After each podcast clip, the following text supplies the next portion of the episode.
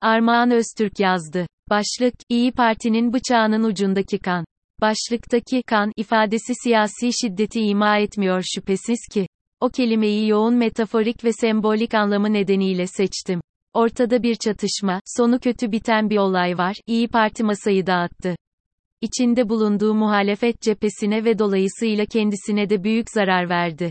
Şimdi bu durumu tahlil edelim. Öncelikle 3 Mart itibariyle seçim bitti.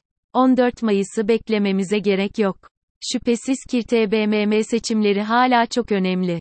İyi Parti'nin bloklar arasında tarafsız bir konuma geçmesiyle birlikte muhalefetin sınırları eskiye göre çok daha bulanık hale geldi. Siyasal muhalefet hangi partileri kapsıyor sorusuna çok net yanıt vermek kolay değil. Ama kağıt üstünde muhalefet partileri hala çok güçlü.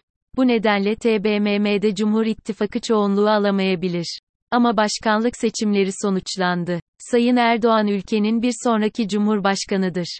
Siyaset kurumu, bürokrasi ve ekonomik aktörler hafta sonu bu kaçınılmaz gerçeği hazmettiler. Yeni hafta bu yeni, eski gerçekle birlikte şekillenecek. İyi Parti aldığı kararı alabileceğini daha önce de ifade etmişti. Ama seçimlere çok az bir süre kala bu kadar sert, geri dönüşü olmayan ve yıkıcı bir adım atacağını öngörmek imkansızdı. Kılıçdaroğlu taraftarlarına göre İyi Parti blöf yapıyordu. Bazı itirazları olsa da eli mahkum Kılıçdaroğlu'nu destekleyecekti. Akşener'in blöf yapmadığı ortaya çıktı. Gelecek bir hafta CHP'nin bir B planı var mı sorunun muhtemel yanıtlarını göreceğiz. Benim gözlemim olmadığı yönünde. El yordamıyla yeni bir strateji hazırlanacak ama ne zaman ne de koşullar bir yıldır devam eden altılı masa ittifakının yerini alacak başka bir oluşumu dizayn etmek için yeterli.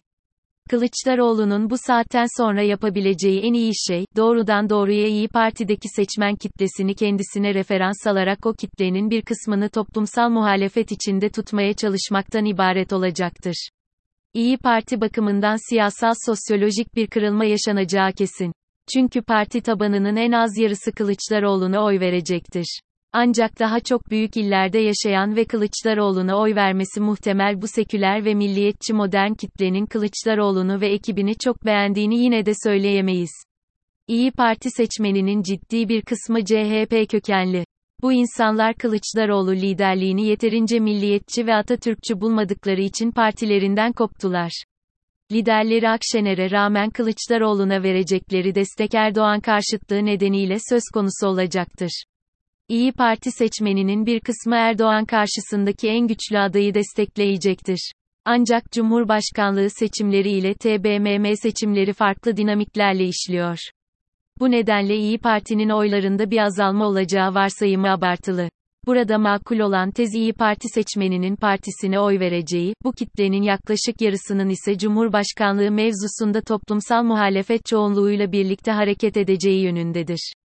Ancak bu yorumunun da sosyolojik bir sınırı var. 2 ila 3 Mart günlerinde özellikle CHP'nin sol, sosyal demokrat kesimi ile CHP dışındaki sol İyi Parti'ye karşı suçlayıcı bir dille hareket etti.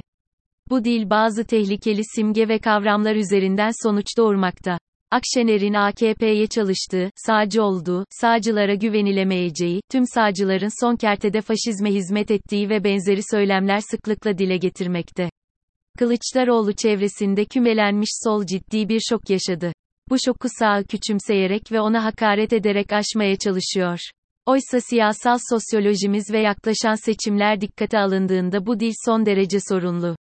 Sadece Akşener değil onun seçmenleri de sağ-sol ikiliğinde sağda yer alıyor.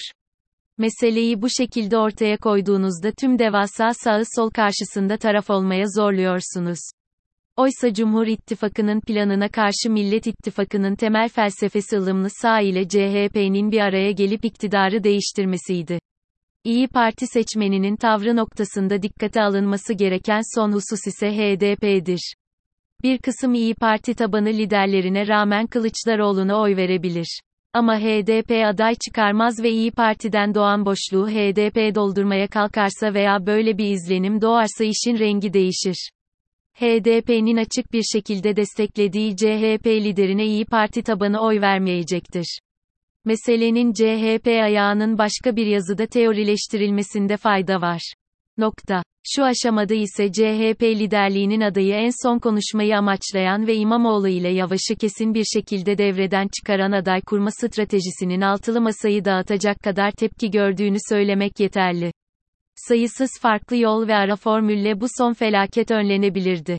Yaşanan yıkım ve kavga konusunda son söz elit halk ilişkisine yönelik olmalıdır. Türkiye'de siyaset halkın katılımı ile aşağıdan yukarı bir şekilde yapılmıyor. Pekala adayı ABD'deki gibi ön seçim yoluyla muhalif kamuoyuna seçtirebilirdik. Bunun yerine altılı masa örneğinde olduğu üzere elitler arası pazarlığı bir yöntem olarak seçtik. İşin en hüzünlü kısmı da burası. Akşener veya Kılıçdaroğlu'dan hangisinin ne ölçüde haklı olduğunun bir önemi yok. Çünkü son kertede oynadıkları siyaset oyununda yurttaşlar kendi seslerini duyuracak gerçek özneler değiller. Türkiye'de siyaset halk adına karar veren, masaya oturan, masadan kalkan elitler üzerinden yapılıyor. Yurttaşın gerçek özne olduğu gerçek siyaset için ise daha çok bekleyeceğimiz kesin.